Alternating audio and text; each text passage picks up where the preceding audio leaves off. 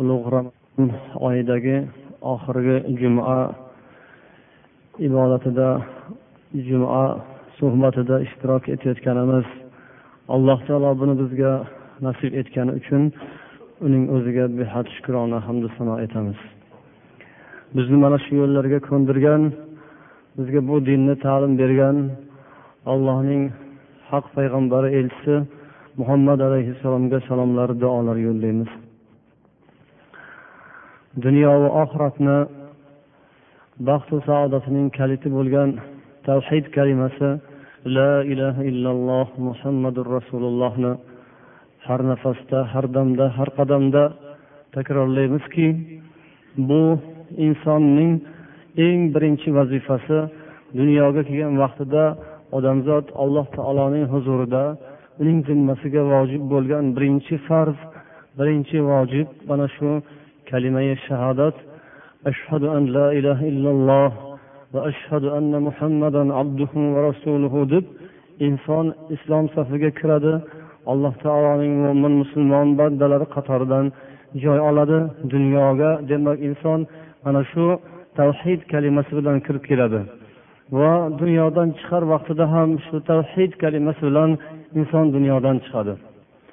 Shunday qilib insonning eng avvalgi so'zi va eng oxirgi so'zi shu kalimai toyiba kalimai tavhid kalimai shahodat deb biz ta'riflaydigan mana shu ulug' kalima siz bilan bizni hayotimizni qamrab oladi. Va shunday bo'lishi lozim tutiladi najotga erishadigan dunyo va oxiratda baxtli saodatli bo'ladigan inson uchun birinchi qo'yilgan shart mana shundan iborat. Hayotimizning avvali va oxiri demak hayotimizning o'rtasi mana shundan iborat. Biz mo'min musulmon deb o'zimizni hisoblaydigan odamlar demak alloh oldidagi birinchi vojibimiz inson zimmasidagi birinchi vojib birinchi vazifa shu tavhid kalimasi. Shuning uchun ham musulmonlar o'zlarining farzandlarini go'daklik chog'idan boshlab oiladan boshlab tili chiqqan vaqtidan boshlab hali u aql tafakkuri kengaymasdan turib hali o'zicha mustaqil mushohada fikr yuritadigan holatga yetmasdan turib bu kalimani o'rgatiladi. Insonning musulmon insonning tili shu kalima bilan chiqadi.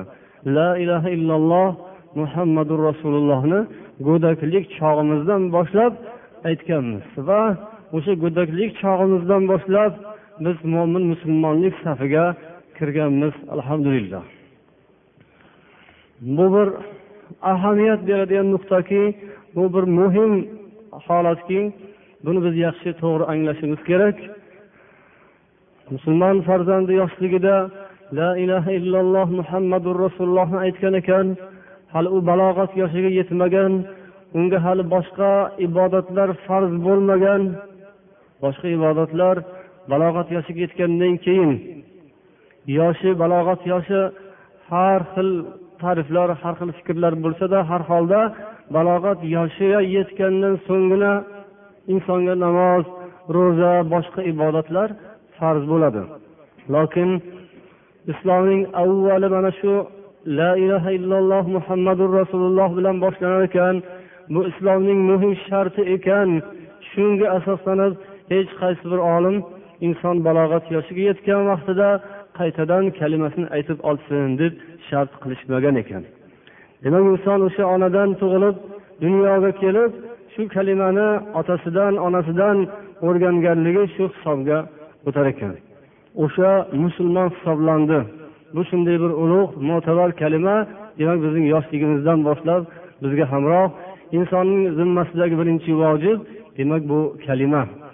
Ammo tarixda mutakallimlar degan toifalar o'tganlar ularning davolari bo'yicha insonda birinchi vojib unga farz bo'lgan narsa bu tafakkur. Oldin o'ylab nazar qilib atrofini mushohada qilib tafakkur qilgandan keyin aqliga to'g'ri kelsa ana undan keyingina u kalima aytishi vojib bo'ladi degan so'zlari davolari islom tarixidagi ba'zi bir oqimlar ba'zi bir mazhablarni davolari shunday bo'lgan ularning fikrlari shunday bo'lgan lokin bu botil davo bu botil mazhabki bu narsa jumhur ulamolar tomonidan qabul qilinmagan. Agar qabul qilinganda unda hali aytganimizdek ular ham buyurgan bo'lardilarki insonni birinchi vazifasi demak tafakkur ekanmi? Tafakkur bu go'daklik chog'ida iloji yo'q narsa. Yosh bola tafakkur qilib mushohada qilib bu narsani tushunib yetmaydi. Shuning uchun balog'at yoshiga yetgandan keyin oldin o'ylasin tafakkur qilsinda ana undan keyin kalimasini yengitdan aytsin. O'shanda u musulmon bo'ladi degan so'zni hech qaysi olim aytmagan.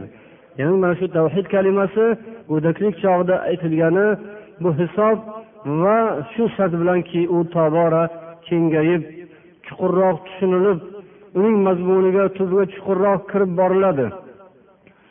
Inson hayoti davomida mana shu kalimani chuqurroq ma'nosini anglashga harakat qiladi.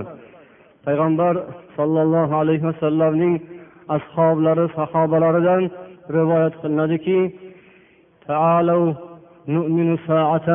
kelinglar bir bir soat allohga iymon keltiraylik deb bir birlarini suhbatga da'vat qilishardi. Bu degani bizda iymon yo'qu kelinglar bir soat iymon keltirib olaylik bir soat iymonli bo'lib turaylik degan mazmunda emas albatta. Balkim shu iymonning ziyodasi uchun iymonni mustahkamlash uchun kelinglar bir soat suhbat qilamiz alloh taolo yo'lida degan mazmun.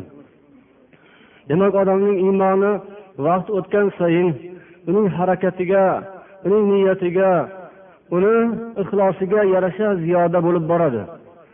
La ilaha illalloh muhammadur rasululloh kalimasini shunchaki lug'aviy ma'nosinigina o'zini bilibgina inson kifoyalanmaydi. Insonning iymoni alloh taoloning qay darajada allohni qay darajada bilishiga muvofiq munosib shunga yarasha bo'ladi. Inson ollohni yaqindan taniy boshlagan sayin alloh taoloni kengroq yaqinroq aniqroq mushohada qilib taniy boshlagan sayin uning iymoni e'tiqodi mustahkamlanib iymoni ziyodalashib boradi va bu hammaning zimmasidagi farz vojib zarur narsaki shu borada shu yo'lda inson rivojlanib borishi kerak.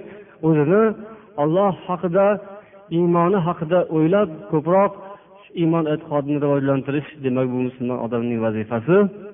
Shu ma'noda la ilaha illalloh muhammadu rasulullohni agar tub tub mohiyatiga yetib borsa uning iymoni mustahkam bo'lsa bu la ilaha illalloh muhammadu rasululloh kalima agar insonning qalbidan mustahkam joy oladigan bo'lsa ana unga keyin boshqa ibodatlari u odamga halovat baxsh etadigan va inshaalloh dunyodan iymon bilan ketadigan odamga aylanadi deb o'ylaymiz. Shuning uchun bugun sizlarga qiladigan suhbatimizni mana shu la ilaha illalloh muhammadu rasululloh kalimasi atrofida bo'lishga harakat qilamiz. Buni lug'aviy ma'nosini o'zinglar bilasizlar ollohdan boshqa xudo yo'q yagona ollohdan boshqa sig'inishga ibodat qilinishga loyiq zot yo'q deb tushunamiz. Lokin umuman olganda alloh taoloning mavjudligi bu yangilik emas. Bu barchaga deyarli ma'lum narsa. Chunki avvalgi suhbatlardan ham bilasizlarki ollohni xudoni bor deyish bu qahramonlik emas. Bu juda katta ilm emas. Bu oddiy endi iboram uchun kechirasizlar normal holat. Normal insonning holati xudoni bor deydi tamom. U yetmish yil xudoni yo'q deyish u insonning normal holatidan quyidagi holat edi. U hayvoniy holat edi. U odamlik insoniylik holi emasdi. U insonning oddiy insonning darajasi xudo bor deydi. U hali kofirdir. U hali munofiqdir. Mayli. Kofir ham munofiq ham fosiq ham boshqasi ham xristian ham yahudi ham boshqasi ham xudoni bor deydi. Bu oddiy normal sharoitdagi ta'rif shu. Kimki xudoni inkor qilgan bo'lsa xudoni yo'q degan bo'lsa u hali aytganimizdek hali odamlik darajasiga chiqmagan bir hayvon. U hali insonlik darajasiga ko'tarilmagan bir maxluq. Shunday deb tushunsak sal qo'polroq bo'lsada shunda to'g'ri tushunsak kerak. Shuning uchun xudoni tan olamiz allohga ishonamiz xudo bor deymiz deyayotganlar judayam ko'p xursand bo'lmasin. Chunki bu holat oddiy holat hech qanday taajjublanadigan joyi yo'q. Chunki bu qadim qadimlardan o'zi tasdiqdan o'tib kelgan buni qayta isbotlashga hojat bo'lmagan. Uning uchun hujjatu dalillarni qalashtirib olib kelmasa ham o'zi isbotlangan o'zi haq aniq narsa. Qadimdagi mushriklar kofirlar birontasi xudoni yo'q demagan. Rasululloh sollallohu alayhi vasallamga qarshi kurashgan mushrik kofirlar birontasi ollohni inkor etmagan. Oldingi payg'ambarlar isoyu muso hazrati ibrohim ular zamonlaridagilar ham deylik ollohni inkor ko'r ko'rona to'g'ridan to'g'ri inkor etmagan. Inkor etganlari esa haligi aytilgandek oddiy insonlik darajasidan pastdagi kimsalar bo'lishgan. Demak ollohning mavjudligi xudoning mavjudligi bu buni tushunish tabiiy fitriy holat. Insondagi alloh taolo o'zi qo'shib yaratgan bir fitrat. Olloh insonni gapiradigan o'ylaydigan fikrlaydigan ovqat yeydigan suv ichadigan uxlaydigan kuladigan yig'laydigan xursand bo'ladigan va shunga o'xshagan holatlarga bilan birga yaratganki bu oddiy holat. Buni fitriy holat deymiz. Xuddi shularning qatorida xudo bor deydigan bir qalbida sezgi bilan yaratgan alloh taolo. Demak bu narsa yana takror aytamanki juda ham juda ham muhim narsa.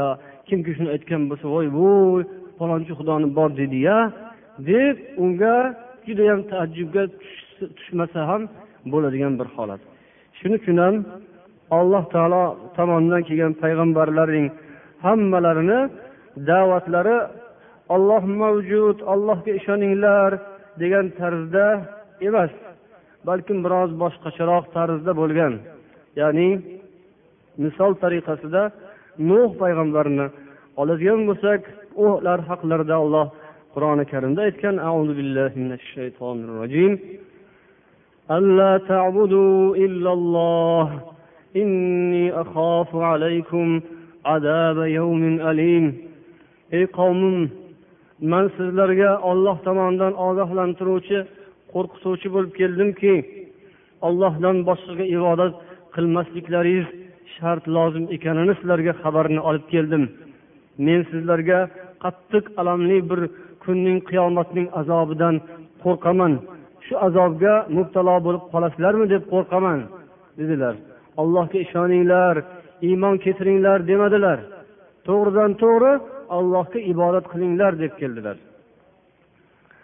وإلى عاد أخاهم هودا قال يا قوم اعبدوا الله ما لكم من إله غيره od qavmiga ularning birodarlari hudni yubordik ey qavmim ollohga ibodat qilinglar undan boshqa sizlarga xudo yo'q degan mazmunda samudga ularning birodarlari solihni yoki madiyanga ularning birodarlari ya'ni o'zlarini ishlaridan chiqqan kishi chetdan kelgan emas shu aybni yubordik. Hammalarini bir xil da'vat bilan allohga ibodat qilinglar ollohga sig'ininglar deb yubordik.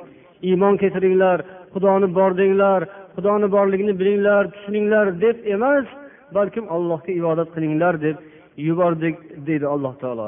Shundan demak ma'lum bo'lyaptiki payg'ambarlarning hammalari ham allohga ibodat qilishga chaqirib keldilar. Allohga ishonishga emas. Allohga ishonish bu avvaldan yer yuzida o'zi mavjud edi. Olloh o'zi ishontirib qo'ygan edi.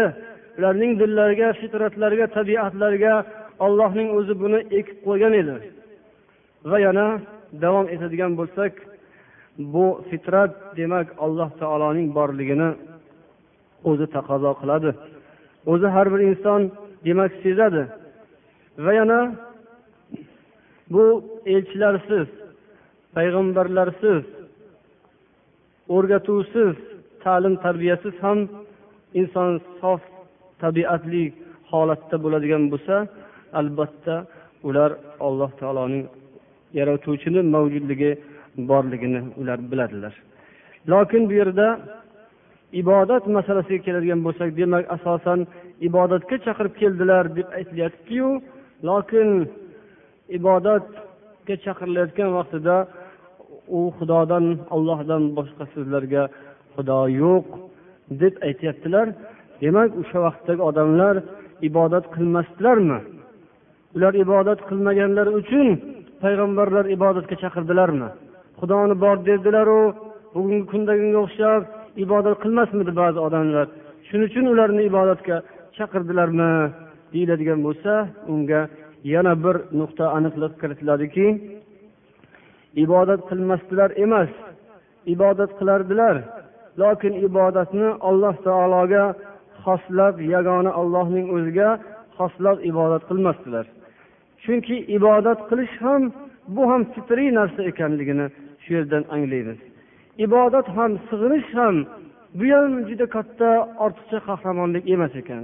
Sig'inish bir narsaga yalinish yolvorish bir qandaydir narsaga o'zini bog'liq holda his qilish va o'sha tarzda hayotini kechirish ya'ni ibodat qilish bandalik qilish nimagadir itoat qilish nimagadir sig'inib o'tish bu ham fitriy narsa ekanligini ko'ramiz.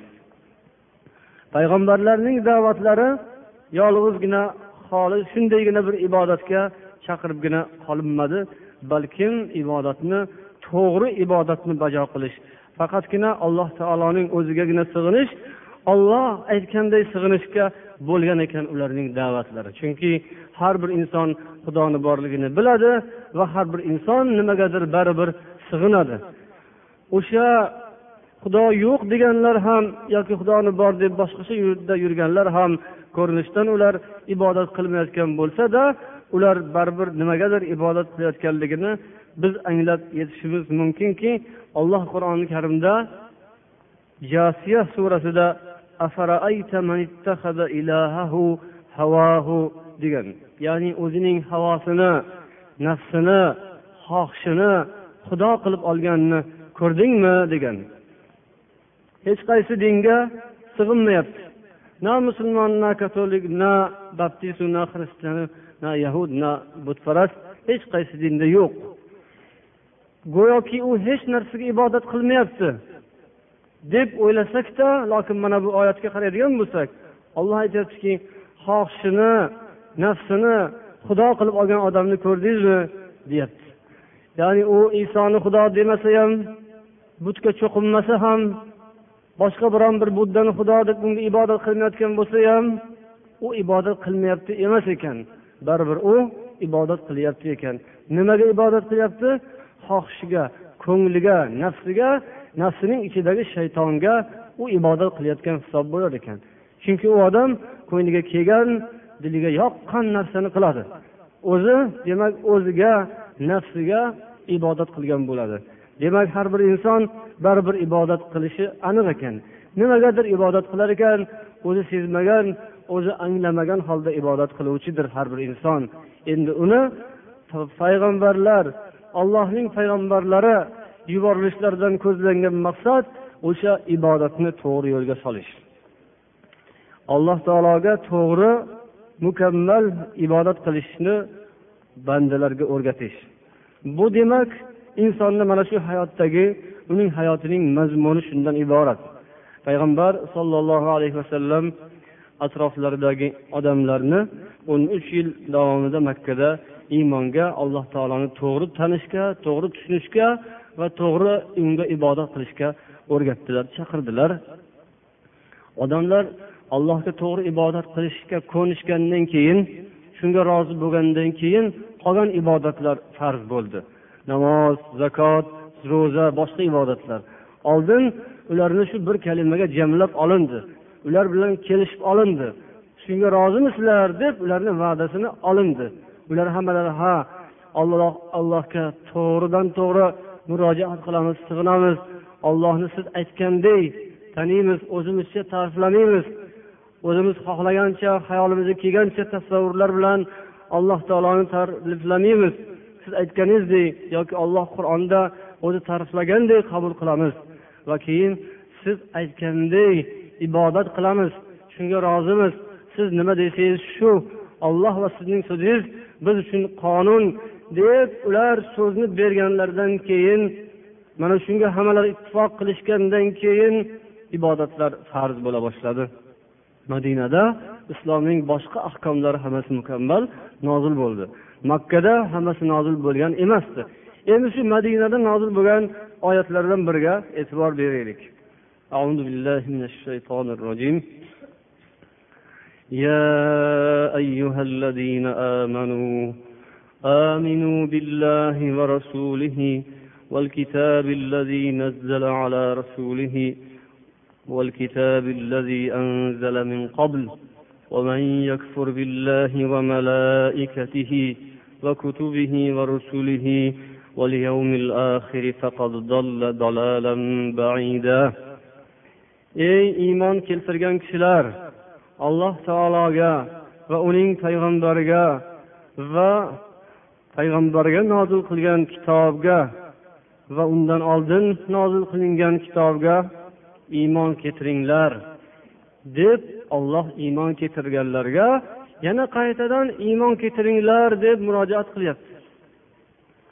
Nima bu iymon keltirganlarning iymoni? Hisob emasmidi bular makkada iymonlari mukammal bo'lgan kishilar edilarku. Bular alloh taoloning rasuliga ishonib bu haq yo'lga kirgan kishilar edilarku. Bularga alloh taolo yana ey iymon keltirganlar iymon keltiringlar deb murojaat qilyapti.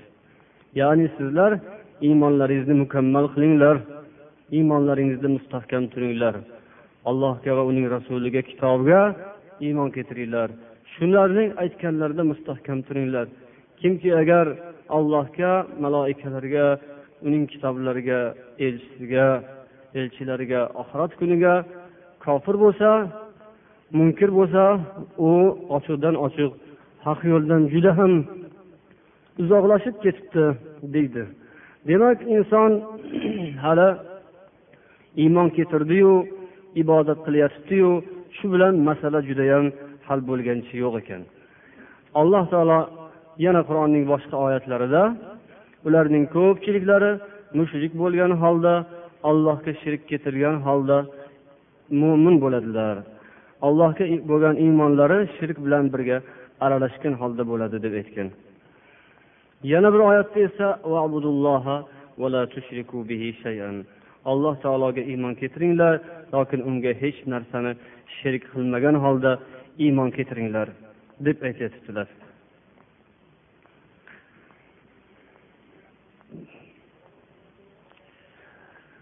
Qur'oni karimni yana oyatlarga mulohaza bilan nazar soladigan bo'lsak oldingi qavmlarga alloh taolo yuborgan payg'ambarlardan ba'zilariga masalan shuayb alayhissalomga qavmlarning bergan javoblari bu bir e'tiborga molik.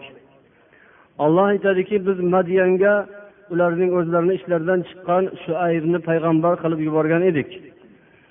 U borib ey qavmim alloh taologa ibodat qilinglar. Undan boshqa xudo yo'q. Toshu tarozida xiyonat qilmanglar. Men sizlarni yaxshi odamlar deb bilaman. Yaqinda sizlarga ammo allohni aytganini qilmasangiz butun atrofingizni o'rab oluvchi bir qattiq azob kelishidan qo'rqaman. Desalar qavmlari javob berib aytadiki ey shuayb sening namozing bizni ota bobolarimiz ibodat qilgan ular sig'ingan ular yurgan yo'ldan qaytaradimi?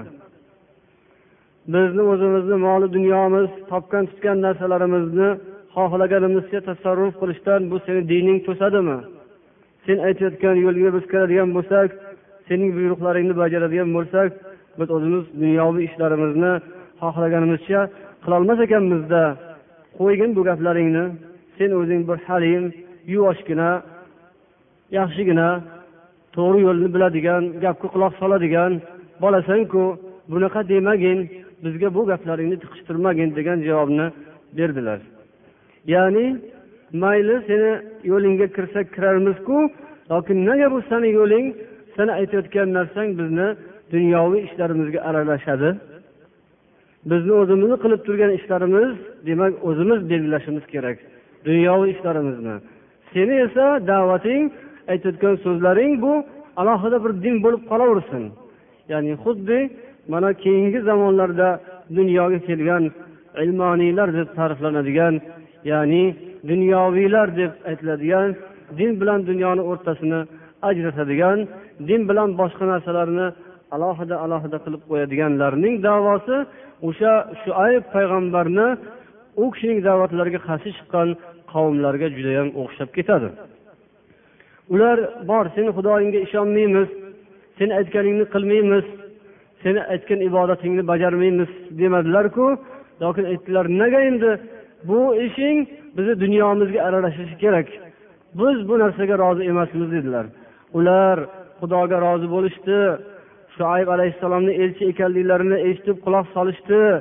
U kishi haqida o'ylab ko'rishdi. San to'g'ri yaxshigina ichimizda hammamiz yaxshi ko'radigan bolasan. San juda odobli to'g'ri yurib to'g'ri turadigan to'g'ri so'zlaydigan yana sani gaping rost. Lokin bir narsada biz kelisholmaymizki sen aytayotgan narsalaring bizni dunyomizni belgilaydigan bo'lsa bizni urf odatlarimizni tartibu intizomlarimizni dunyoviy ishlarimizni agar seni yo'ling bilan belgilaydigan bo'lsak biz bunisiga rozi emasmiz dedilar va mana shu jihatlari bilan ular kofir bo'ldilar. Xudoni yo'q deganlari uchun emas. Payg'ambarni sen yolg'onchisan deganlar uchun emas. Ular yolg'onchi deb aytganlarini keltirilmadi. Balki to'g'ri yaxshi juda yaxshi gaplar juda axloqqa foydasi bor odob axloq insof diyonatga foydasi bor gaplar yaxshi so'zlar. Lokin bu mana bu yoqqa o'tmasligi kerak.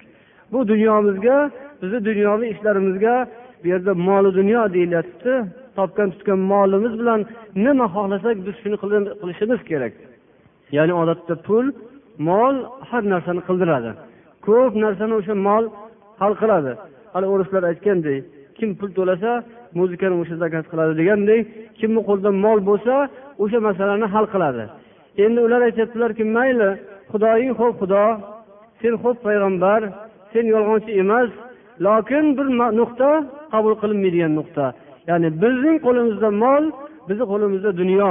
Buni o'zimiz xohlagancha tasarruf qilamiz. Ya'ni shu mol bilan bu dunyo bilan xohlagan ishimizni biz qilishimiz kerak. San bunga aralashmasliging kerak. O'shanda biz kelishamiz. O'shanda biz sen bilan murosa qilamiz. Xuddi shuning uchun ularni alloh taolo iymonsizlar qatorida zikr qildi. Xuddi shuning uchun alloh taolo bu qavmni ollohning yo'liga munkir bo'lgan kofir bo'lgan alloh taolo rahmatidan judo bo'lgan kishilar sifatida olloh bizga xabar berdi. Bular hammasi ibrat. Bu shunchaki bir hikoya afsona vaqt o'tkazish uchun aytiladigan cho'pchak emas. Allohning dini bir. Shuayb payg'ambar orqali yuborilgan din ham muhammad alayhissalom orqali yuborilgan din ham hammasi bu bir din. Din faqatgina masjidda joynamoz ustidagina din emas. Din bu hamma yerda din. Bu alloh taolo hamma yerda xudo. U shunday xudoki osmonda ham xudo u yerda ham xudo. Osmonda uning aytgani bo'layotibdi hamma osmon jismlari ollohni buyrug'ini bajaryotibdi. U olloh xuddi shuningdek yerda ham olloh yerda ham xudo.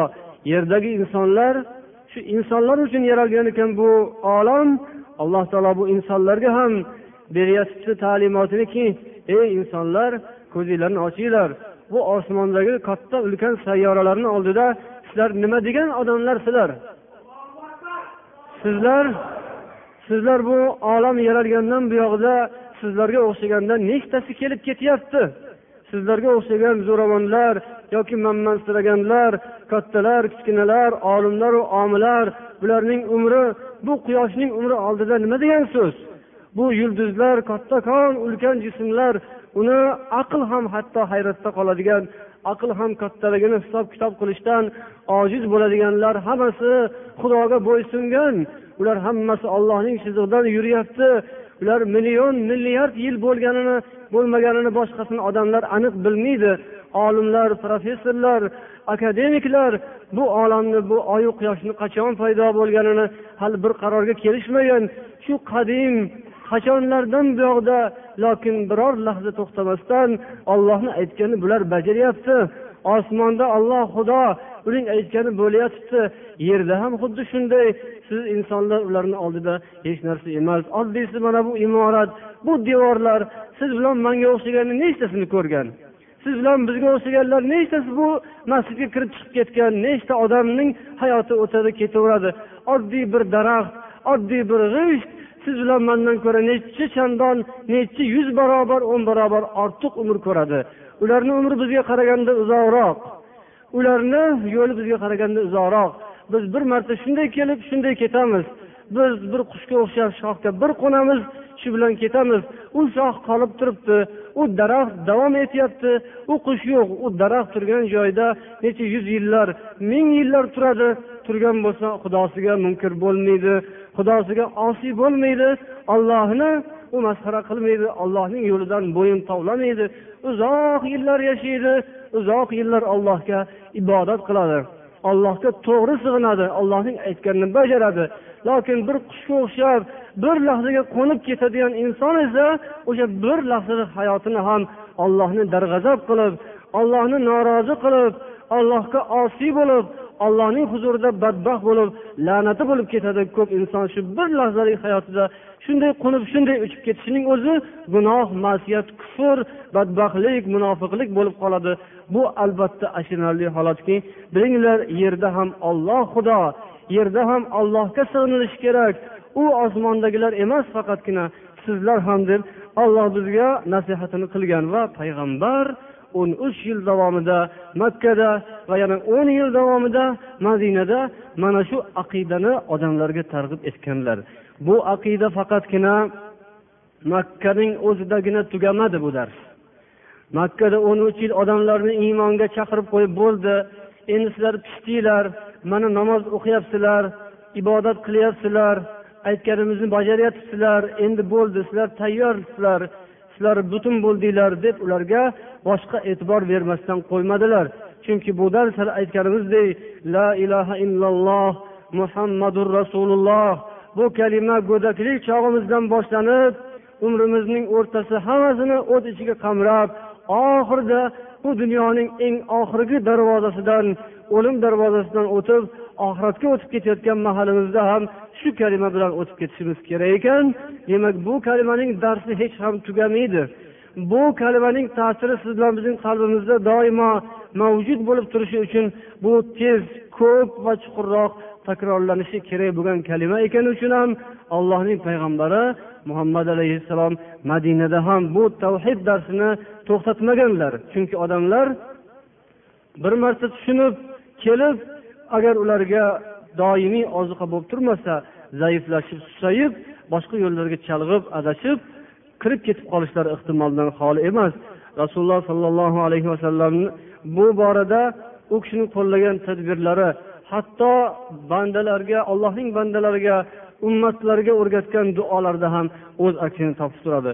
Payg'ambar alayhissalotu vassalom ashoblarini ertalab turganda ovqat yeganda yuz yuvganda namoz o'qiganda namozdan forig' bo'lganda ko'chaga chiqib ketayotganda ishga borayotganda uyga qaytib kelganda kirayotganda masjidga borganda yotganda uxlaganda uyqudan turganda ham ollohga sig'inib turishni buyurganlar.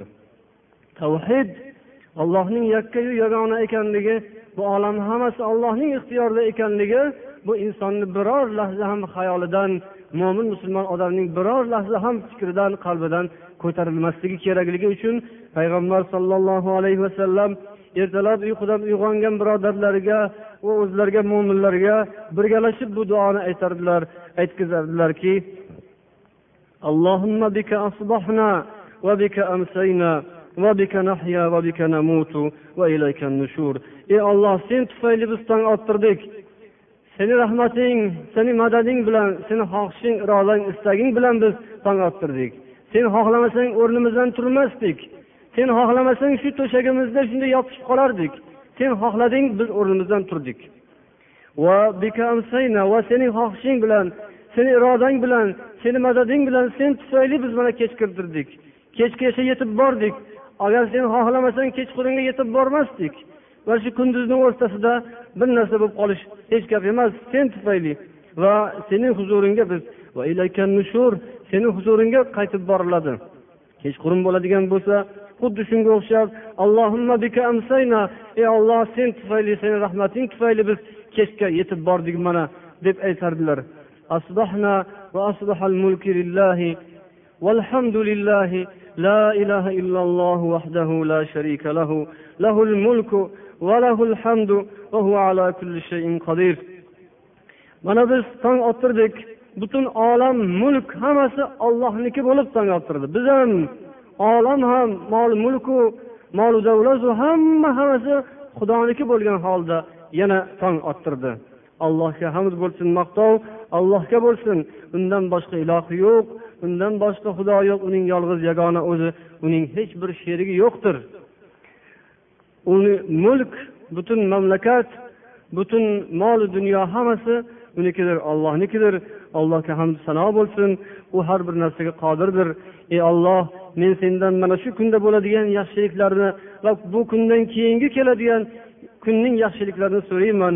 Sendan bu kunda bo'ladigan yomonliklardan asrashingni va bugundan keyingi kunlarda bo'ladigan yomonliklardan asrashingni so'rayman. Ey olloh meni dangasalikdan mutakabbirlikdan o'zing saqlashingni so'rayman. Ey olloh meni do'zax olovidan qabr azobidan asrashingni so'rayman bu so'rovlar bu duolar bu tavhid. Bu shunchaki bir duo ma'nosini bilmasdan o'qilib qo'yilaveradigan ahamiyat bermasdan aytiladigan narsalar emas. Balkim mana shuning o'zi ham dars edi ta'lim edi. Bu har kuni aytiladigan duo demak bu tavhid darsi iymon darsi har kuni beriladigan dars.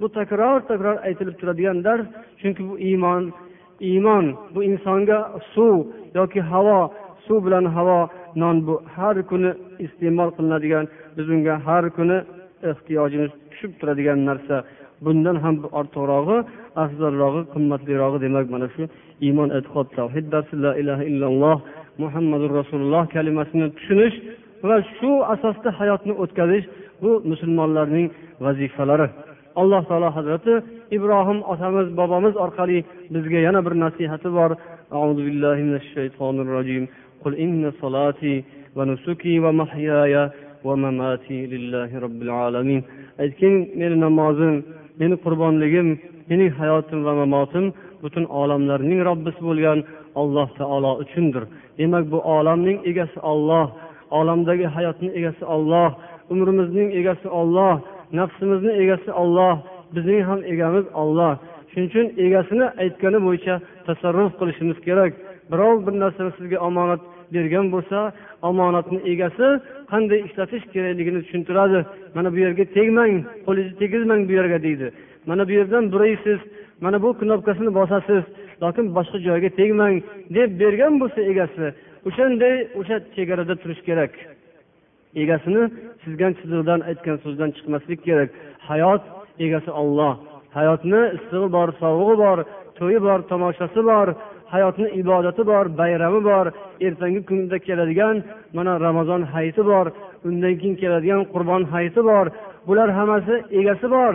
Biz buni o'ylab topgan emasmiz bu birinchi may emas bu yettinchi noyabr emas yigirma uchinchi fevral emaski inson o'ylab topib xohlaganicha o'zi xohlagancha o'tkazaversa buni yuborgan olloh buni bizga o'rgatgan olloh shuning uchun olloh bu kunlarni qanday o'tkazish kerakligini ham tarifini o'zi chizib o'zi belgilab o'zi ko'rsatgan tarzda o'tkazganlar alloh taoloni tan olgan ollohdan qo'rqqan ollohni yaxshi ko'rgan odamlar bu kunlarni o'sha tarifiga muvofiq qilib o'tkazadilar.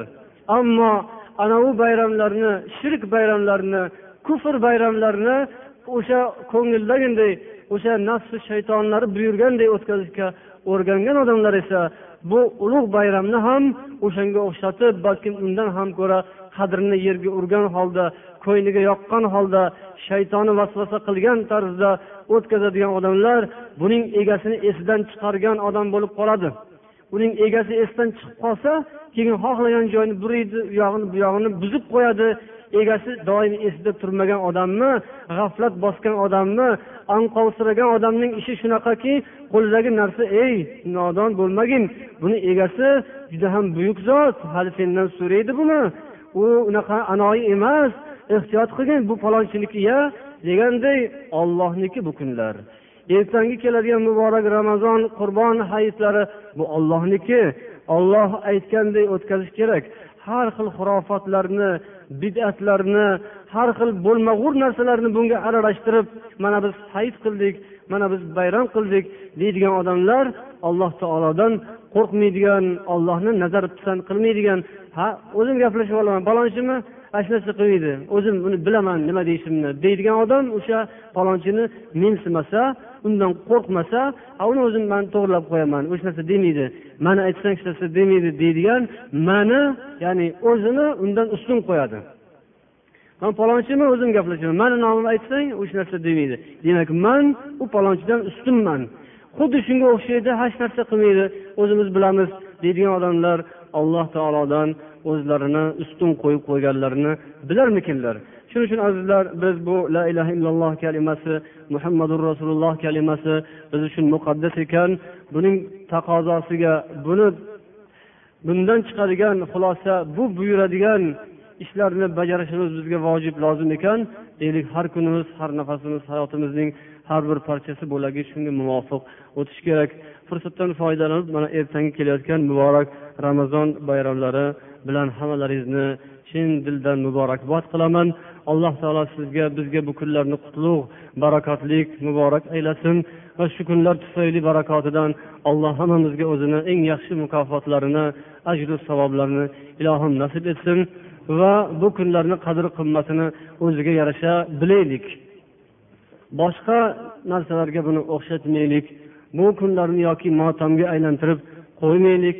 Bu kunlarni faqatgina eshik sanab uy sanab ko'cha sanab ko'cha ko'yda sarson bo'lib o'tkazmaylik.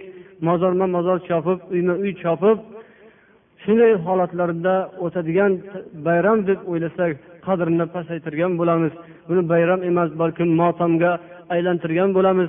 Hayit qilib bizga kelib fotiha o'qimadi deydigan odamlar ham bu bayram emas o'zi motam edi shu motamga kelmadi.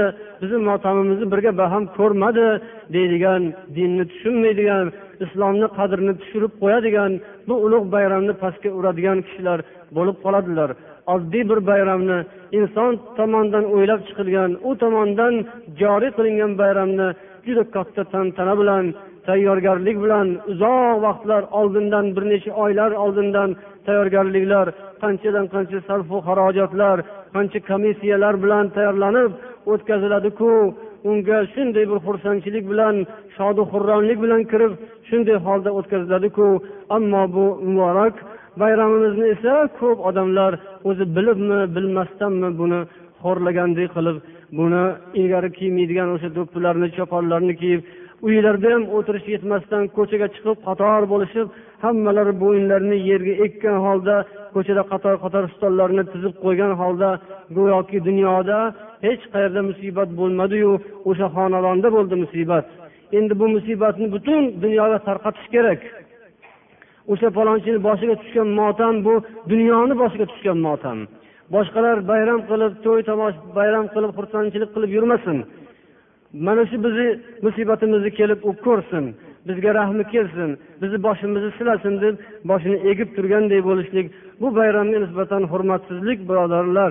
Shuning uchun hech bo'lmasa hozircha ostonadan u yoqqa o'tkazish kerak. Keladigan odam boradigan odam yo'qlagan odam o'zi topib oladi. O'zingizni ko'rsatib mana man borman man bu yerdaman voydod kelinglar mani istab yurmanglar manaman demasangiz ham sizni topib oladi kerak bo'lsangiz agar. Sizga kelib ta'ziya izhor qilish agar kamlik qilgan bo'lsa uch kunlik motam yetmagan bo'lsa yil o'tib ketgan bo'lsa ham yana motamni cho'zish kerak bo'lsa siz xudoga qarshi go'yoki jahl qilayotgandek bo'lsangiz ollohga zarda qilayotgan bo'lsangiz ya'ni har qanday zarda uch kundan o'tmaslik kerak odamlarni o'rtasidagi ham uch kundan ortiq arazlashmaslik kerak odamlar. Undan u yog'iga o'tib ketsa bu ginachi odam kuduratchi odam dilda chek saqlaydigan odam. Bir narsani hech dildan chiqarib yubormaydigan yuragi shunaqangi odam uch kundan ortiqqa cho'zadi. Azani uch kundan ortiqqa cho'zadi zardani shu gaplashmasligini. Mo'min bo'lsa uch kunda tamom bo'ladi. Bu oddiy inson o'rtasidagi muomala. Inson bilan olloh o'rtasidagi muomala shu. Yilga cho'zsa yigirmaga cho'zsa qirqqa cho'zsa yillar cho'zsa yana davom o'n yillar cho'zib yuraversa bu odam bu odam uch kun emas balkim yillab xudo bilan go'yoki zardapazlashgan zardalashgan. Nega san bizni xudo odamimizni o'ldirib qo'yding? Nega siz boshimizga musibat solding? Voy bizda musibat mana ko'ringlar kelinglar ko'ringlar biz ishimizni holimizni deganday bo'lmaydimi axir odam? Shunaqa bo'lib qoladi. Ollohga zardalashgan ollohga achchiq qilgan olloh bilan urushganday bo'lib qolamiz agar so'z bilan aytmasa ham amal ish o'zi shuni ko'rsatib turibdi. Shuning uchun hech bo'lmasa ostonadan u yoqqa o'tish kerak. Ko'chani bo'shatish kerak. Ko'chani egalariga yuradigan odamlarga holi qo'yish kerak. Ko'chaga chiqqan odam bir ish bilan chiqadi yumush bilan chiqadi. Bekorchilar hamma bekorchi emas ko'chaga chiqqanlarki har qadamda u eshikdan bu eshikka kirib tanimasa ham uyat o'limdan qattiq deb narigi eshikka kirmoqchi bo'lsa bu ishini bismillahi rohmanir rohim alhamdulillah vassalotu vassalamu ala rasulilloh amma ba'd muhtaram جماعة المسلمين السلام عليكم ورحمة الله وبركاته allohga hamdu sano payg'ambar alayhissalomga salovati duo bilan so'zimizni boshlab to azon aytilgunga qadar bu o'rtadagi vaqtimizni alloh taoloni kalomidan ma'nolaridan bahramand bo'lish bilan o'tkazamiz inshaalloh bugun sizlarga payg'ambar sollallohu alayhi vasallamga makkada nozil bo'lgan makkiy suralardan biri abasa surasini tilovati va alloh taolo nasib etganicha ma'nolarini yetkazishga harakat qilamiz أعوذ بالله من الشيطان الرجيم بسم الله الرحمن الرحيم. عبس وتولى أن جاءه الأعمى. وما يدريك لعله يزكى أو يذكر فتنفعه الذكرى. أما من استغنى فأنت له تصدى. وما عليك ألا يزكى. وأما من جاءك يسعى يخشى وهو يخشى فأنت عنه تلهى mana hozir sizlarga mana shu abasa surasini avvaldan o'n oyatni tilovat qildik bu ko'rib turibsizlarki oyatlari qisqa qisqa mana shundan ham ma'lum bo'ladiki makkada nozil bo'lgan suralardan makkiy suralarni tabiati bu suralarda asosan ko'zda tutilgan maqsad nuqta mo'min musulmon jamiyatini ruhiy ma'naviy tomondan tarbiyasi ularni iymon e'tiqodlari ixlosiga qaratilgan. Mana shu surani nozil bo'lish sababi nuzulida tarixida rivoyatlarda keltiradilarki bir kuni payg'ambar sollallohu alayhi vasallam makkadagi mushriklarni kofirlarni eng kattalari bilan mashhurlari bilan muloqotda bo'lib turgan edilar. Musulmonlarga ko'p qarshilik qilayotgan islomga to'sqinlik qilib dushmanligini hamma turini ishga solib joni kuchini boricha quvvatini yetganicha hamma choralari bilan musulmonlikka qarshi bo'lgan ashaddiy kofirlardan abu jahl valid ibn mug'ira otba shayba shunga o'xshagan kofirlarni bir guruhi payg'ambar sollallohu alayhi vasallamni huzurlarida o'tirib rasululloh ularni da'vatlari bilan mashg'ul edilar. Shu onda sahobiylardan abdulloh ibn ummu maktum degan bir kishi kelib qoladilar. Bu kishini ko'zlari ojiz edi. Lokin rasululloh sollallohu alayhi vasallamga juda ixlos bilan e'tiqod bilan musulmonlikka juda ham bir muhabbat bilan kirgan kishi edilar. Payg'ambarni oldilariga kelib ey muhammad yo rasululloh menga olloh sizga o'rgatgan ilmlardan ta'lim bering. Alloh taolo sizga tushirgan qur'ondan menga o'rgating deb bir necha marotaba murojaat qiladilar. Xuddi shu holatda esa payg'ambar alayhissalotu vassalom hali yuqorida aytganimiz ish bilan mashg'ul edilar. Agar zohiran qaraydigan bo'lsak judayam bir muhim ish bilan mashg'ul edilar. U abdulloh ibn ummi maktumni ishiga qaraganda ham uni iltimosi taklifiga qaraganda ham bu yoqda qilayotgan ishlarini ahamiyati judayam bir boshqacha. Chunki islomga qarshi bo'lib turgan kattakon bir guruh juda ham bir quvvatli kuch qudratni egasi bo'lgan katta bir oqim toifani boshida turgan odamlar shularni jilovlari hozir rasulullohni oldilarida o'tirishibdi. Agar shulardan birontasi musulmon bo'lib qoladigan bo'lsa bu abdulloh ibn umi maktumga o'xshagan oddiy mo'min musulmonlarga o'xshaganlarni bir qanchalarini qo'llaridan kelmaydigan ishlarni ya'niki shunday bir tushunish mumkin. Insonni zohiriy bir qisqa aqli shuni esga soladiki qancha qancha mo'min musulmonlar qiynalayotgan ular go'yoki amalga oshirolmayotgan ishlar mana u qo'lida riyosati bor qo'lida hukumati bor qo'lida qancha qancha kuch qudrati bor quvvati bor odamlardan bittasi agar musulmon bo'lib qoladigan bo'lsa ish ancha yengil kochardi. Musulmonlarga bo'layotgan qarshilik ancha to'xtar edi balkim juda ko'p odam islomga kelishi mumkin edi. Chunki o'sha kofirlar mushriklar asosiy qarshilik qilib turganlarni qo'lida edi. Boshqa mushriklar boshqa kofirlar hammasi ularni so'ziga itoat qilib o'shalarni chizgan chizig'idan chiqmaydigan odamlarni demak kattalari rasulullohni huzurlarida o'tiribdilar. Payg'ambar fursatni g'animat bilib ularga shu jonlarini achitib ichlarini kuydirib da'vat qilyaptilar tashviqot qilyaptilarki shular islomga kelib qola qolsa tezroq. Lokin xuddi shunday bir holatda kutilmagan holatda judayam bir noqulay sharoitda hali bir ko'zi ojiz odam kelib qolib endi ovozini boricha qo'yib chaqirib ey rasululloh manga qarang manga o'rgatsangizchi deb turibdi.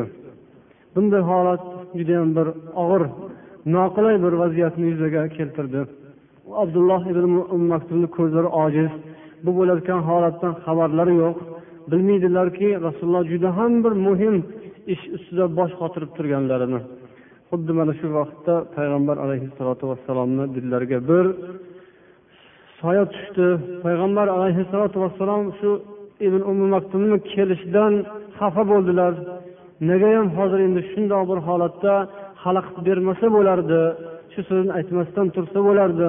Birpas jim tursa yoki birozdan keyin kelsa nima qilardi degan bir mulohazami xullas kalom payg'ambarni yuzlarida ko'rindi. Ya'ni biroz qoshlarini chimirdilar yuzlarida bir tundlik paydo bo'ldi chehralari biroz xafalik alomati ko'rinib qoldi. Xuddi shu vaqtda alloh taolo tomonidan mana shu oyatlar nozil qilingan ekan. Bu oyatlarda olloh payg'ambarimizni tanqid qilgan ekan. Mufassirlar aytadilarki qur'onni hech bir surasida hech bir oyatida mana shu oyatdagini singari rasulullohga qattiq bir tahdid rasulullohga qattiq bir tanbeh bo'lmagan edi. Hech bir oyatda rasulullohni qilgan ishlarini qattiq tanqid qilib payg'ambarga itob xitob bo'lmagan edi. Ammo mana shu surada mana shu oyatda payg'ambar alayhissalotu vassalomga alloh taolo tomonidan juda qattiq muomala bo'ldi deydilar. Boshqa hech bir yerda ko'rilmagan. Ammo baribir shundoq bo'lsada alloh taolo bu surani oyatlarini mana shu rasulullohga bo'lgan tanbehni boshlanishini avvalini ancha yumshoqlik bilan boshladi deydilar. Ya'ni bu jamiyat bu musulmon ummatini rahbari payg'ambari bo'lgan butun olamni sarvari hamma mo'min musulmonlarni faxri bo'lgan allohni eng yaqin bir do'sti bo'lgan muhammad alayhissalomga baribir alloh taoloning muhabbati allohni do'stligi u doimiyku shuning uchun ham go'yoki uchinchi bir shaxs haqida hikoya qilinayotganday bo'lib boshlandi. Abasa va tavalla yuzini burishtirib qoshini chimirib yuzini o'girib oldi. Ya'ni payg'ambarimizni olloh mana shu yerda tasvirlayapti ta'riflayapti. Muhammad alayhissalom yuzini burishtirdi. U yuzini o'girdi. Yuzini burishtirdi qoshini chimirdi degan so'z o'zi umuman judayam bir chiroyli holat emas. Agar falonchi yuzini buymaytirib oldi degan so'zni aytsangiz o'sha falonchini o'ziga qandaydir bir noqulaylik bo'ladi. Olloh o'zini do'sti haqida to qiyomatgacha o'qiladigan qur'onga mana shu kalimalarni tushirdi. Muhammad alayhissalom yuzlarini chimirib qoshlarini chimirib yuzlarini burishtirdi deb go'yoki payg'ambarni o'zlariga emas balkim boshqa bir odamga aytib berayotganday qilib boshladi. Xuddi siz bir yaqin do'stingizni betiga qarab shunday tikkasiga gapirishingiz bir boshqa unda bir sovuq holat paydo bo'lishi mumkin. Ammo baribir aytishingiz kerak aytmasangiz bo'lmaydi. Oldingizga o'tkazib qo'yib bu kishini betiga emas balki boshqa odamga aytib turib bu kishi baribir eshityapti eshittirib turib shunaqa qildilar mana shunaqa bo'ldi deb boshqa bir odamga tushuntirish o'sha orqali unga yetkazish o'sha orqali tanbeh berish bu ancha bir holatni yumshatish muloyimlashtirish. Go'yoki o'sha o'rtadagi do'stlikni rahna solmaslik degan ma'noda tushunishimiz mumkin. Alloh taolo ham aslida payg'ambar sollallohu alayhi vasallamga tanbeh beryapti bu yerda. U kishini tanqid qilyapti ammo bu tanbeh tanqidni boshlanishini avvalini go'yoki boshqa odamga aytayotganday qilib boshlagan. Bir ko'r odam kelganidan u kishini muhammad alayhissalom yuzlarini o'g'irib oldi. Endi bu oyat bilan alloh taolo rasulullohni o'zlariga to'g'ridan to'g'ri xitob qila boshladiki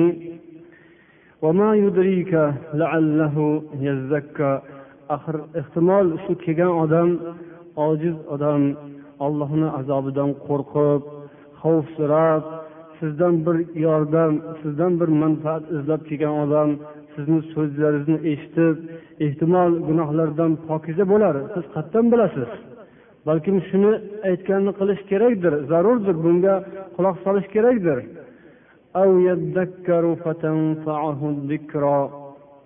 Yoki mana shu so'zlardan bir pandu nasihat olib unga shu nasihatlar foyda berar manfaati tegar axir. Siz buni qayerdan bilasiz? Olloh o'zi biladiku degan bir mazmunda. Ammo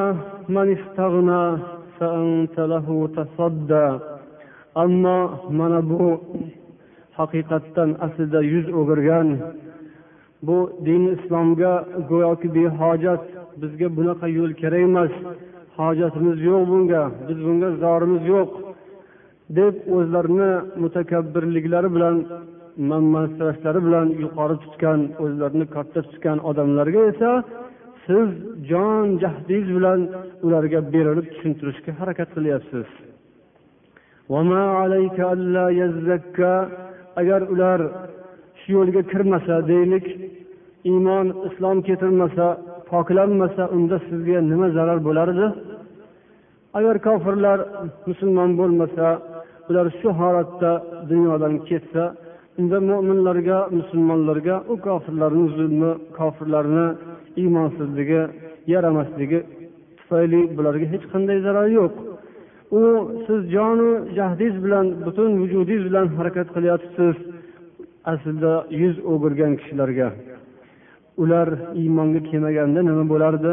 Dunyodan shu ahvolda o'tganda sizga nima ham zarar bo'lardi?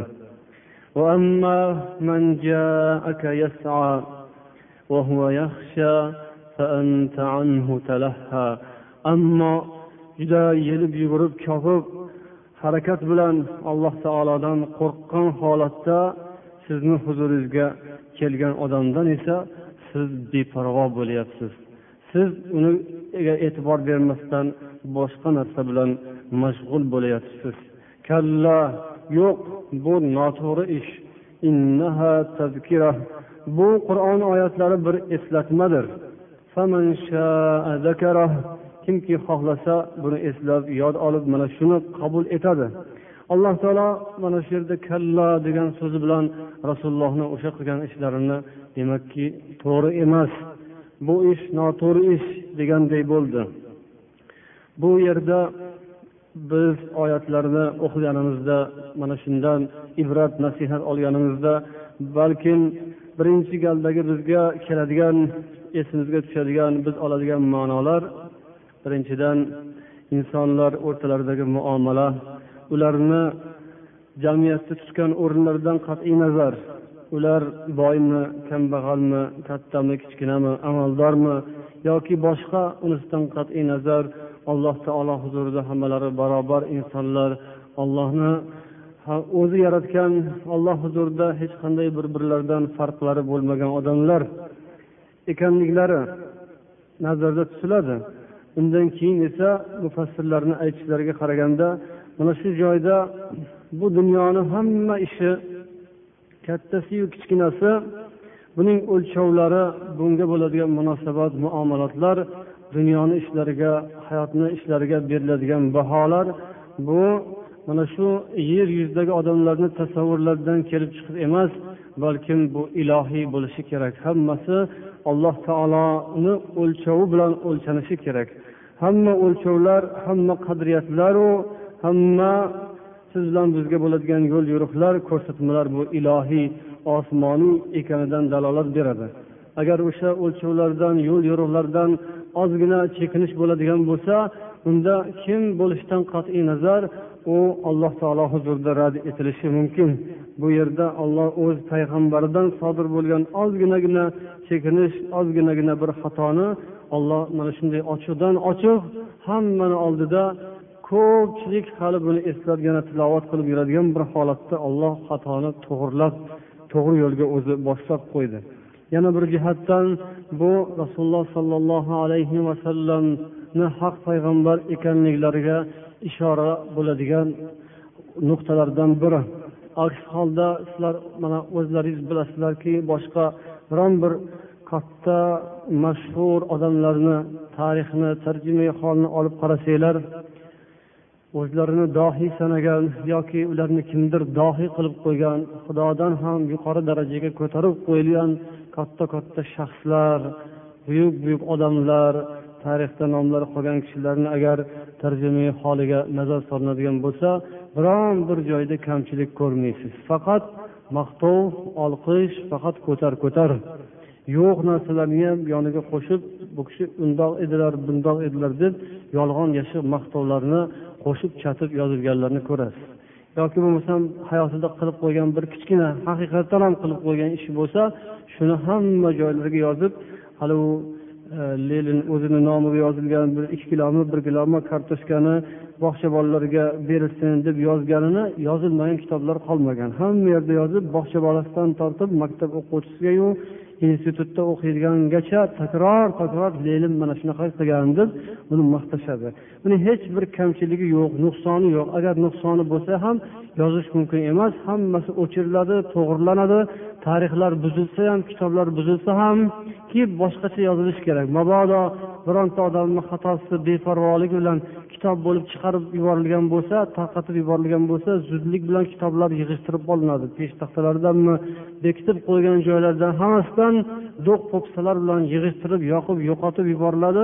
O'rniga yangi kitoblar yangi sahifalar chiqariladi. Faqat maqtaladi xolos. Tarixda biron bir dohiyni tajribasida hayotida ko'rilmagan bir nuqtaki bu yerda alloh taolo tomonidan bo'lganini biz shu yerdan bilamiz shundan ishonishimiz shundan tasdiqlashimiz mumkin. Alloh payg'ambarimizni mana shu o'rinda qattiq bir tanqid ostiga oldi. Rasululloh buni bekitmadilar balkim mana kitobga qur'oni karimga tilovat bo'ladi qur'oni karimda tilovat bo'ladigan bo'lib yozilib to qiyomatgacha davom etadi. Balkim payg'ambar alayhissalotu vassalom har safar ana shu abdulloh ibn ummu maktum huzurlariga kelganlarida xursand bo'lib u kishini xursand bo'lib qabul qilar ekanlar. Xush kelibsiz ahlan biman fihi robbi robbim siz haqingizda robbim meni tanqid qilgan zot. Xush kelibsiz xush kelibsiz deb payg'ambar u kishiga juda ko'p keyin muruvvatlar qilardilar. Yaxshilik qilardilar yaxshi ko'rardilar. Hattoki keyinchalik madinaga borganlarida makkadan madinaga hijrat qilib borganlaridan keyin ham rasululloh mana shu kishini ko'zlari ojiz bo'lishiga qaramasdan ikki marotaba madinaga amir qilib o'zlarini o'rinlariga o'rinbosar xalifa qilib keyin ketgan ekanlar. Shu darajada rasululloh bularni bu kishini hurmat qilganlar. Demakki musulmonlikda islomda baho berish odamlarga muomala qilish bo'lsin hayotni qonun qoidalarini belgilash bo'lsin odobu axloq qonun qoidalarini belgilash bu ishlarni hammasi eng avvalambor bu ilohiy narsa yuqoridan alloh taoloni ko'rsatmasi asosida bo'lishi kerakligini uqishimiz kerak. Agar biz biron bir masalada allohni ko'rsatmasi bo'la turib payg'ambarni yo'l yo'riqlari bo'la turib dinimizni o'zini bahosi bo'la turib biz u bahodan ko'z yumib o'zimizcha baho beradigan bo'lsak yo'ldan adashamiz. Endi bizni o'z o'rnida to'g'irlab qo'yadigan vahiy kelmaydi. Faqat mana shu qur'on payg'ambarni hadislari. Agar shundan to'g'ri xulosa chiqarib keta olsak jannatga to'g'ri yo'lga tushgan bo'lamiz. Ammo aksincha agar biz bu yo'lda adashadigan bo'lsak olloh asrasin. Alloh taolo yana bir suralardan birida mana shu qulya ayyuhal kafirun surasida ham shunday bir ma'noga ishora qilgan. Ya'ni rasulullohni huzurlariga tarixdan xabarlaringiz bor mushriklar kelishib mayli biz sizni ham yo'lingizga kiradigan bo'ldik. Ho'p endi shunga kelishaylik oxirida biz allohga ishondik deylik musulmon bo'ldik deylik islomni qabul qilamiz kiramiz yo'lingizga. Ammo bitta shartimiz borki siz ham bizni yo'limizga yurasiz. Bizni ham aytganimiz bo'ladi sizni ham aytganingiz bo'ladi. Sizni ham qonun qoidalaringizga ollohni yo'l yo'riqlariga amal qilamiz. Bizni ham eski ota bobolarimizdan qolgan narsani voz kechib yubormaymiz.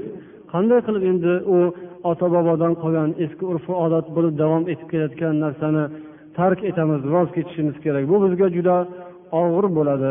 Shuning uchun biz musulmon bo'lamiz allohga iymon keltiramiz sizga iymon keltiramiz. Payg'ambar deb tan olamiz islomga yuramiz. Lokin sharti shuki avvalgi sig'inadigan narsalarimizni ham mayda chuyda xudolari bo'lardi. O'shani ham birga olib yuramiz. O'shandan ham voz kechib yubormaymiz. Birgalashib olib boramiz. Uni ham tutamiz bir qo'lda buni ham tutamiz. Ikkovini barobarlashtirib olib boramiz degan takliflari bo'lganda nima deb javob bergan? Alloh taolo o'sha kafirun surasini nozil qilib birinchi kalimasi billah qul ya ayyuhal kafirun deb boshlagan. Ya'ni aytgin ey muhammad ey kofirlar deb aytgin degan. Ya'ni javobni kofirlar degan so'zdan boshlagan. Oldin kofirlar deb aytib olgin ularni. Otini yaxshilab aytgin bilgin. Bahosini boshidanoq boshlab qo'ygin. Ularni kim ekanligini bilib olgin va o'zlariga ham bildirgin. Demakki ollohni yo'l yo'rig'ini xudoni buyrug'ini aralash quralash qilib yuboriladigan bo'lsa uni musaffo o'zini alohida xolis tutilmaydigan bo'lsa undan bir singil bundan bir singil qilib uni bo'tqaga aylantirib aralashtirib yuboriladigan bo'lsa bo'lmay qolishligini olloh javobini shu qur'onda beryaptiki ularni otini oldin kofirlar deb aytib olginda keyin javobini bergin qul ya ayyuhal kafirun la a'budu ma ta'budun.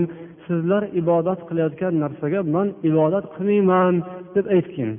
Demak u basharti olloh desa ham payg'ambar deb islomga kirib yurdim deydigan bo'lsa ham ammo buning ichida boshqa bir unsur aralashadigan bo'lsa bu buzarkan bir qozon ovqatga deylik no'xatdek boshqa narsa tushsa odamni deylik butun a'zoyi badaniga asaldek moydek mo'myodek yoqadi ovqat. Unga har kuni olib yeb iste'mol qilib turish kerak bo'lgan narsani ichiga bittadeki moshdek insonni butun vujudiga zarar qiladigan narsa tushsinchi aralashsinchi qaysinisi amal qiladi. Qaysinisini ta'siri ko'proq bo'ladi. Nima natija bo'ladi? U bir paqir ovqat ham bir tomonu yoki o'sha bir no'xatdek yoki moshdek narsa o'zini ishini ko'rsatib qo'yadi. Ollohni dini musulmonlik islom ham mana shunday bir musaffo narsaki uni musaffoligiga agar gard yuqadigan bo'lsa u holda olloh dargohida qabul bo'lishi shubha ostida qoladi balkim rad bo'lishi mumkin. Olloh asrasin va biz mana shu ilohiy osmoniy samoviy bo'lgan bir yo'l yo'riqni qanday holda kelgan bo'lsa bizga shunday holda saqlab unga qo'limizdan kelgancha amal qilishni xudo nasib etsin. Kamchilik nuqsonlarga yo'l qo'ygan bo'lsak allohdan so'raymiz alloh o'zi mag'firatiga olib kechirsin. Olloh demak mana shu surada abasa surasida rasulini elchisini ham adashib ketishdan o'zi to'g'irlab qo'ydi. Bir qudrat kelib payg'ambarni shunday bir to'g'ri yo'lga burib qo'ydi. Bundan siz bilan biz nihoyatda ehtiyot bo'lishimiz kerakligi ham chiqadiki biz adashsak bizni burib qo'yadigan qo'l kelmaydi endi. Biz agar u yoqqa bu yoqqa chalg'ib ketadigan bo'lsak bizga vahiy kelib oyat kelib bizni tanqid qilib o'tirmaydi endi. Bir marta tanqid bo'ldi bir marta yo'ldan adashilganda shunday burib ko'rsatib qo'yildi.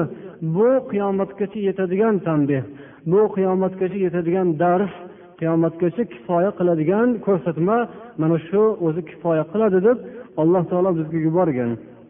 Ilohim parvardigor hammamizni rasulimizni yo'llaridan ergashib borishimizni nasip eylesin. Kalla inneha tezkirah. فمن شاء ذكره في صحف مكرمه مرفوعه مطهره بايدي سفره كرام برره يقطع bu odamlarni ra'yiga ularni shart sharoitlariga qarab turib shundoq qilsam yaxshi bo'lardi deb ollohni yo'lidan chalg'ib ketish to'g'ri emas. Bu noto'g'ri narsa. Bu qur'on oyatlari bir eslatmadir. Kimki xohlasa eslaydi oladi undan manfaat olib to'g'ri yo'lga tushadi. Ya'ni xohlamasa o'sha mushuklarni kattasi makka kofirlarni kattalariga juda siz jon jahdingiz bilan juda ham bir astahdillik bilan qattiq berilib da'vat qilyapsiz. O'shalarni islomga kelsin ekan deb yuragingizni achishtiryapsizu lokin ular xohlasa bo'lsin mayli. Xohlamasa bo'lmasin. U bilan hech qanaqa islomga zarar yetmaydi. O'sha bitta kattakon bir amaldor bir zo'ravon o'sha mushriklarni kattasi bir zodagon musulmon bo'lmay qolsa islom to'xtab qoladimi? Shu bilan musulmonlik o'lib qoladimi? Shu bilan islom orqasiga qarab yurib ketadimi? Yo'q undoq emas. Xohlagan odam kirsin olsin bu yo'lga o'zini deylik yo'llarini mana shu yo'lga to'g'irlasin bu qur'on oyatlari juda bir aziz mukarram hurmat qilingan sahifalarda saqlanadi. Juda oliy darajada yuqori darajada pokiza holatda saqlanadigan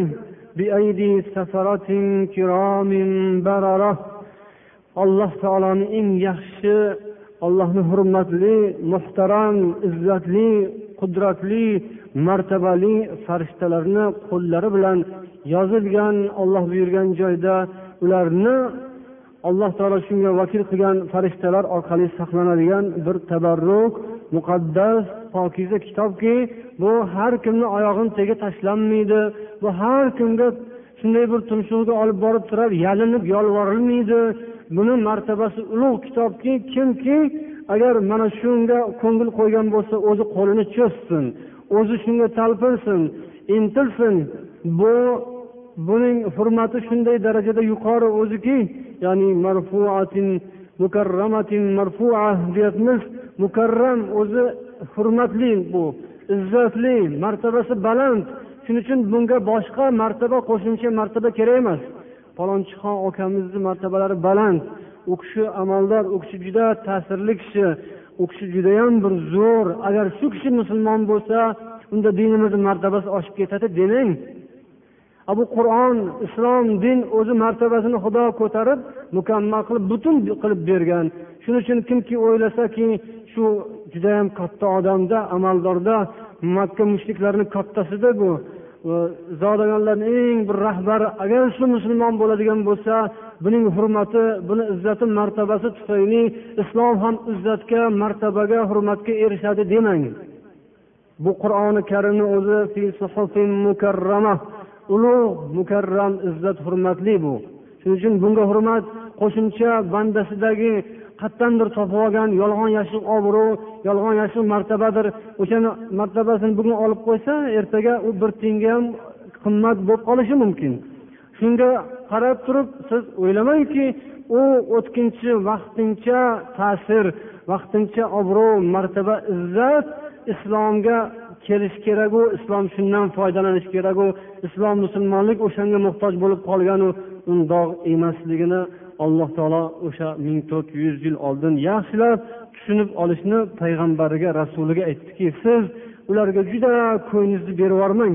Bu abu jahl ekanu u shayba ekanu utba ekanu valid ibn mug'ira biz oldingi suralarda ham tafsirlarda aytib o'tganmiz. Atrofida juda uni odamlari ko'p farzandlari ham o'g'illari ham o'nta juda mol dunyosi ham son sanoqsiz hisobli kitobsiz. Bunga sizlar uchmanglar bunaqa zohiriy ziynat ko'rinib turgan dunyoviy vosita vasilalarga ko'ngilni bermang. Undan ko'ra mana shu ko'r ko'zi ojiz hozir sizga yalinib yolvorib xudodan qo'rqib kelgan odam afzal edi. Aslida shuni gapiga quloq solsangiz bo'lardi. Bular kattakon amaldorlar bilan bunga qilayotgan harakatingizdan ko'ra aslida mana shu bir ko'zi ojiz hech narsasi yo'q. U faqir u kambag'al ammo uni iymoni bor edi. Uni ollohdan qo'rquvi bor edi. Do'zaxdan jahannamdan qiyomatni dahshatlaridan shiddatlaridan uning qo'rquvi dilida xavfu xatari bor edi. O'sha qo'rqqanidan keluvdi siz oldingizga. Sizga muhabbati bor edi. Islomga muhabbati bor edi. Allohga jannatga ishqi bor edi. Ollohni o'ziga ishqi muhabbati tushgan odam edi. Yaxshisi shunaqa mana shunga e'tibor berishi kerak. Alloh taoloni demak yo'li qudrati mana shundoq. Bu zohiriy narsalar bilan o'lchash dunyoviy o'lchamlar bilan o'lchash bu islomni tabiatiga muvofiq kelmaydi. Buni o'lchovi buni o'lchami buni belgisi o'sha ilohiy bu samoviy osmoniy alloh taolo demak bu qadrini baland qilgan din hurmatini baland qilgan kitob qo'shimcha bu dunyoviy o'tib ketadigan hurmatu ko'tarilish ko'tar ko'tarilarga buni ehtiyoji yo'q. Alloh shunday bir aziz mukarram qilib qo'ygan ekanini ta'riflayapti. Endi mana shu o'rinlarda mufassirlar payg'ambar sollallohu alayhi vasallam mana shunday tavjihotlar mana shunday yo'l yo'riqlarga hayotlari davomida qanday qilib amal qilganlarini va odamlarni tabiatidagi ba'zi bir egrilik qusur nuqsonlarni qanday to'g'rilaganlarini misollarini keltirib o'tishgan. Ya'ni bu dunyo odamga ta'sir qilmasdan iloji yo'q ekan. Sal pal bo'lsa ham bu tashqi muhit mana shu shartu sharoitlar insonni o'rab turgan yashab turgan sharoiti uni tabiatiga ta'sir qilib qoladi ekan. Ya'ni sahobiylarni ichlarida ham ba'zi birlari kattakon bir obro'li juda ta'sirli xonadonlardan ba'zilar esa qullarni farzandlari o'zlari qul bo'lgan xonadonlardan bo'lishgan. Shularni o'rtalarida ham ba'zan ba'zan kelishmovchiliklar chiqib qolgan. Ya'ni jumladan abu zarl g'iforiy degan sahobiy bilan bilol ibn ravoh o'rtalarida bir so'z o'tib gap aylanib qolgan ekan. Bilasizlar bu bilol ibn ravoh kim bo'ladilar? Bu kishi oldin qul bo'lgan o'zlari habashiy bo'lganlar. Habashistondan bo'lgan qop qora qul odamlarni tabiatiga qarab baho beraman desangiz odamni tabiati uncha ko'tarmaydigan holat. Shunda o'sha abu zarul g'iforiy bilol ibn rabohga ey qora xotinni bolasi deb muomala qilgan ekanlar. Bu gap rasululloh sollallohu alayhi vasallamni quloqlariga yetgandan keyin juda ham qattiq xafa bo'lganlar. Va abu zarul g'iforiyga qattiq dashnom berib tanbeh berganlar. Shunda bu qora xotinni bolasi oq xotinni bolasidan afzal degan ekanlar.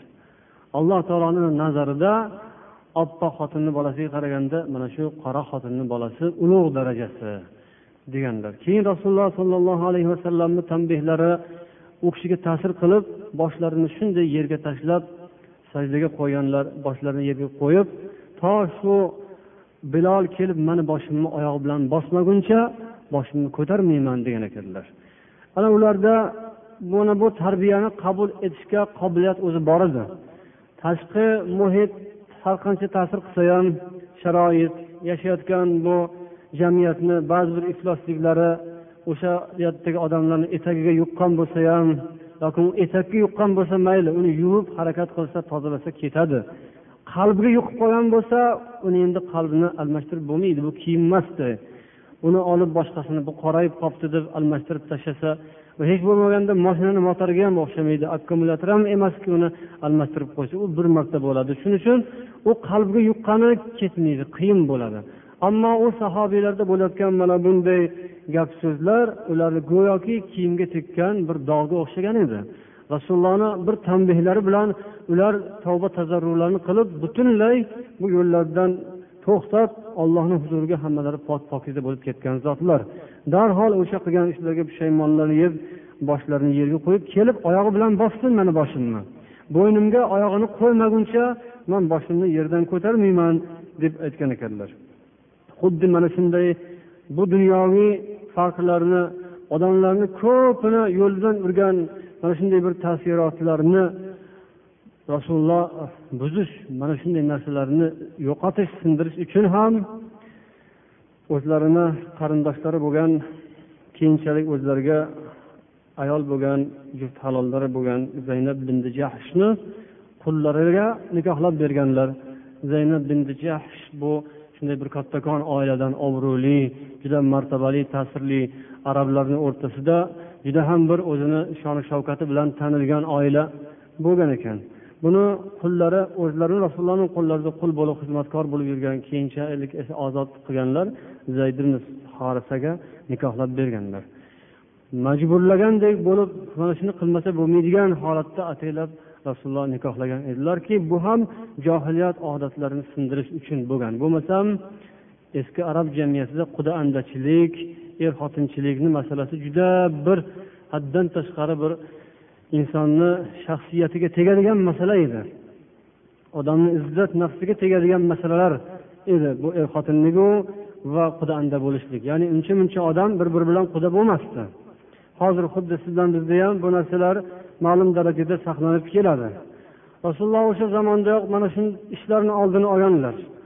Agar bir qul bilan bir xo'ja xo'jayini katta sayidlar o'rtasida agar qudalik bo'ladigan bo'lsa bir isnot bu sharmandalik edi ularga. Buni hech ko'tarisha olmas edi. Nafsoniyatlarga tegib ketadigan ish edi. Lokin payg'ambar ataylab mana shunday dunyoviy vaqtincha vaqtincha oriyat vaqtincha o'zini yuqori tutish bunday narsalarni musulmonlar o'rtasidan ko'tarish uchun o'zlari nikohlab bergan edilar. Rasulullohni sahobalari esa mana shu tarbiyalarini ular jon dillari bilan qabul qilishardi. Va shuning uchun ham alloh taoloni maqtoviga qur'oni karimda ular sazovor bo'lganlar. Alloh hammalaridan rozi bo'lsin. Siz bilan bizga ham alloh taolo ana shu zotlarni payg'ambar alayhissalotu vassalom yo'llarini ashoblar yo'llarini o'zi nasib ro'za aylasin inshaalloh suhbatimiz agar alloh nasib etsa yanagi jumalarda davom etar. Hozir so'zimiz oxirida mana bu yerda ba'zi savollarni javobini aytib o'taylik. Safar oyida unashtirish haqida so'rabdilar buni necha marotaba ilgari ham eshitgansizlar. Safar oyini hech qanday to'yga ahamiyati yo'q. O'sha johiliyatni odatlaridan musulmonlik hali ularni uylariga xonadonlariga kirib bormagan. Kirib borsa ham hali o'sha yerdan bir mustahkam o'rin olmagan xonadonda yashayotgan odamda bo'lsa mana shunaqangi safar oyi boshqa degan narsalarga e'tibor beradilar. Musulmonlar bu narsalarni olib shuni savol qilib mana shuni ustida tortishib o'tiradigan arziydigan tortishishga arziydigan gap emas. Bu ham bo'lsa o'sha kimni xonadonidan shu savol chiqqan bo'lsa safar oyida to'y qilib bo'lmaydi qandoq bo'ladi keyin desa bilib qo'ysinki o'sha xonada o'sha xonadonda hali islom yetarli emas ekan. Hali islomiy tushuncha iymon e'tiqodlari juda ham ollohga yoqadigan darajada bo'lmaganiga ishora qiladi bu. Ya'ni bu gaplarni qo'yish kerak endi. Bu johiliyat tasavvurlarini fikrlaridan voz kechish kerak. Hadisdan ma'lumki deb yozibdilar boshliqlarga itoat qilishning qiling agar boshliq bir emas ikki emas bir necha sunnat amaldan qaytarsa boshliqqa itoat qilishnadimi umuman rasulullohni hadislarida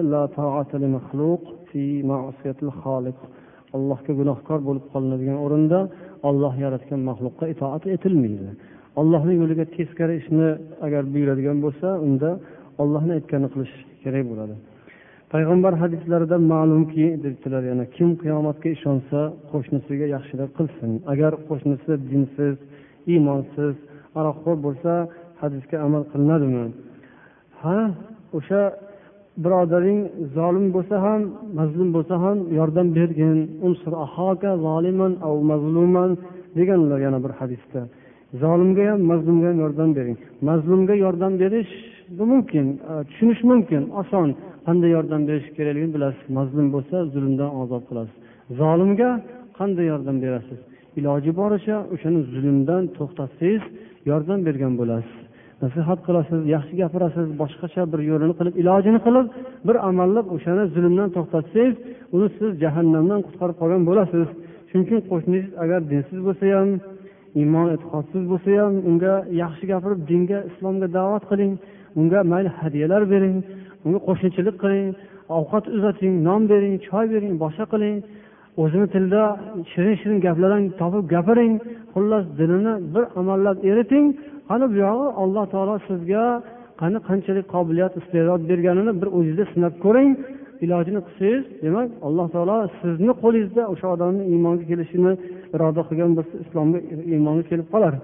Lokin iymon islomga kelmasa unda teskari to'ningizni kiyib oling u bilan butunlay teskari bo'lib qoling hech qaramang betiga degan so'zlar to'g'ri emas albatta. Qo'shnichilikni o'ziga yarasha muomalasini qilib yuraverasiz agar u hali aytilgandek aroq ichadigan bo'lsa ham uni ham bir sekin sekin chiroyli gap bilan xullas kalom yo'lga solsa bo'ladi. Axir insonku odamlar boshqa narsalarni yo'lga solayotibdi inson insonga insoncha muomala qilsa xudo xohlasa uni yaxshi bir natijasi bo'ladi سبحانك اللهم وبحمدك أشهد أن لا إله إلا أنت أستغفرك وأتوب إليك اللهم صل على محمد وعلى آله وأصحابه إن حق إكرنا بلمن seni ishing to'g'ri seni yo'ling to'g'ri agar man hayot bo'lsam seni himoya qilardim lokin bu so'zingni aytmayman.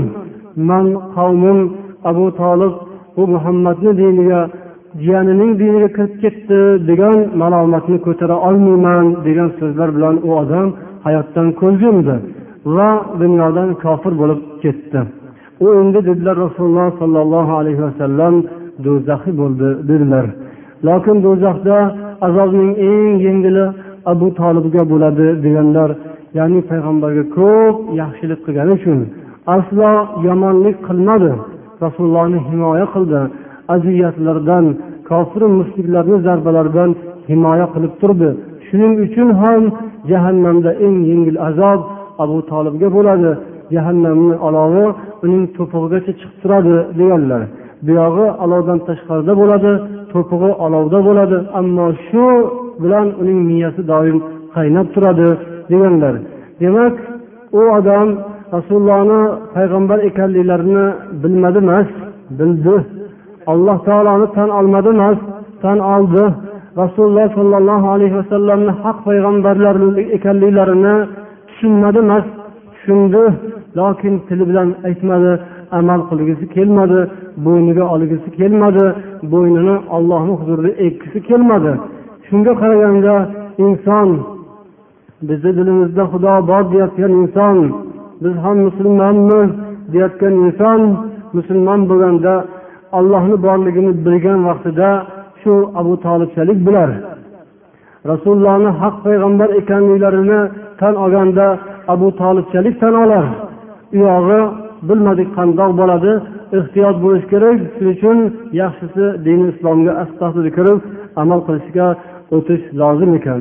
Alloh taolo uni rasulullohga dediki siz xohlagan odamingizni hidoyat qilib yaxshi ko'rgan kishingizni islom safiga olib kirolmaysiz.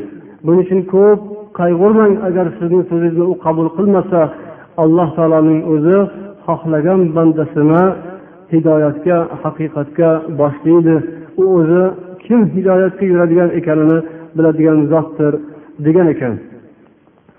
Alloh hammamizni qalbimizga butun atrofimizda yor do'stlarimizni qalblariga hidoyatni o'zi iymon e'tiqodni hadya qilsin. Yuqorida biz masihiylar haqlarida aytib o'tgan so'zlarimizni yana bir bor jihat ba'zi bir nuqtalarini ta'kidlaymiz.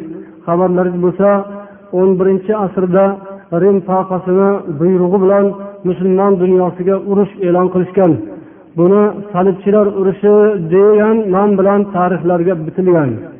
Million million odamlarni ular musulmon dunyosiga bo'yinlariga krest osib bostirib kelishgan. Ko'p tushunmaydigan odamlar sodda odamlar kambag'allar muhtojlar bechoralar qashshoqlar mana shu urushda boy bo'lib olarkanmiz degan vasvasa bilan musulmon dunyosiga bostirib kirishgan ularni poplari ularni boshliqlari o'sha rim papasi bularga juda katta boyliklarni va'da qilgan. Musulmonlarni qo'lida boylik bor ularni bosib olish kerak dinni ulardan ozod qilish kerak yerlarimizni ozod qilishimiz kerak degan vasvasa bilan ko'p sodda odamlarni laqillatdilar va natijada million million yoshlaru kattalar qurbon bo'lib daryo daryo bo'lib odamlarni qoni oqib ketdi. Hozirgi kunda ham bo'layotgan ba'zi bir harakatlar shu narsani esga soladi. Ya'ni ko'cha ko'ylarda bo'yinlariga krestlarni osib olib yoki bo'lmasam qo'llariga kitoblarni ushlab musulmonlarni aldayotgan musulmonlarga hatto pul berib ularni boshqa yo'lga chalg'itayotganlar ham ana shu salibchilarni eslatyapti ularni kitoblarida qo'poruvchilik ruhi shunday sezilib turibdi ular musulmon diniga hujum boshlaganlar hozir. Shuning uchun ham sizlarni yig'ilganlaringizdan foydalanib ehtiyot bo'lishlaringizga chaqiramiz. Agar ahvol shu tarzda davom etadigan bo'lsa oqibati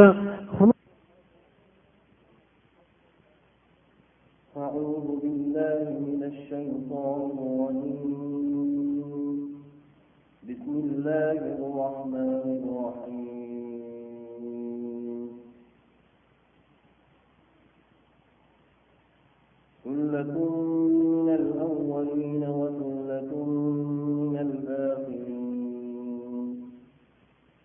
وأصحاب الشمال ما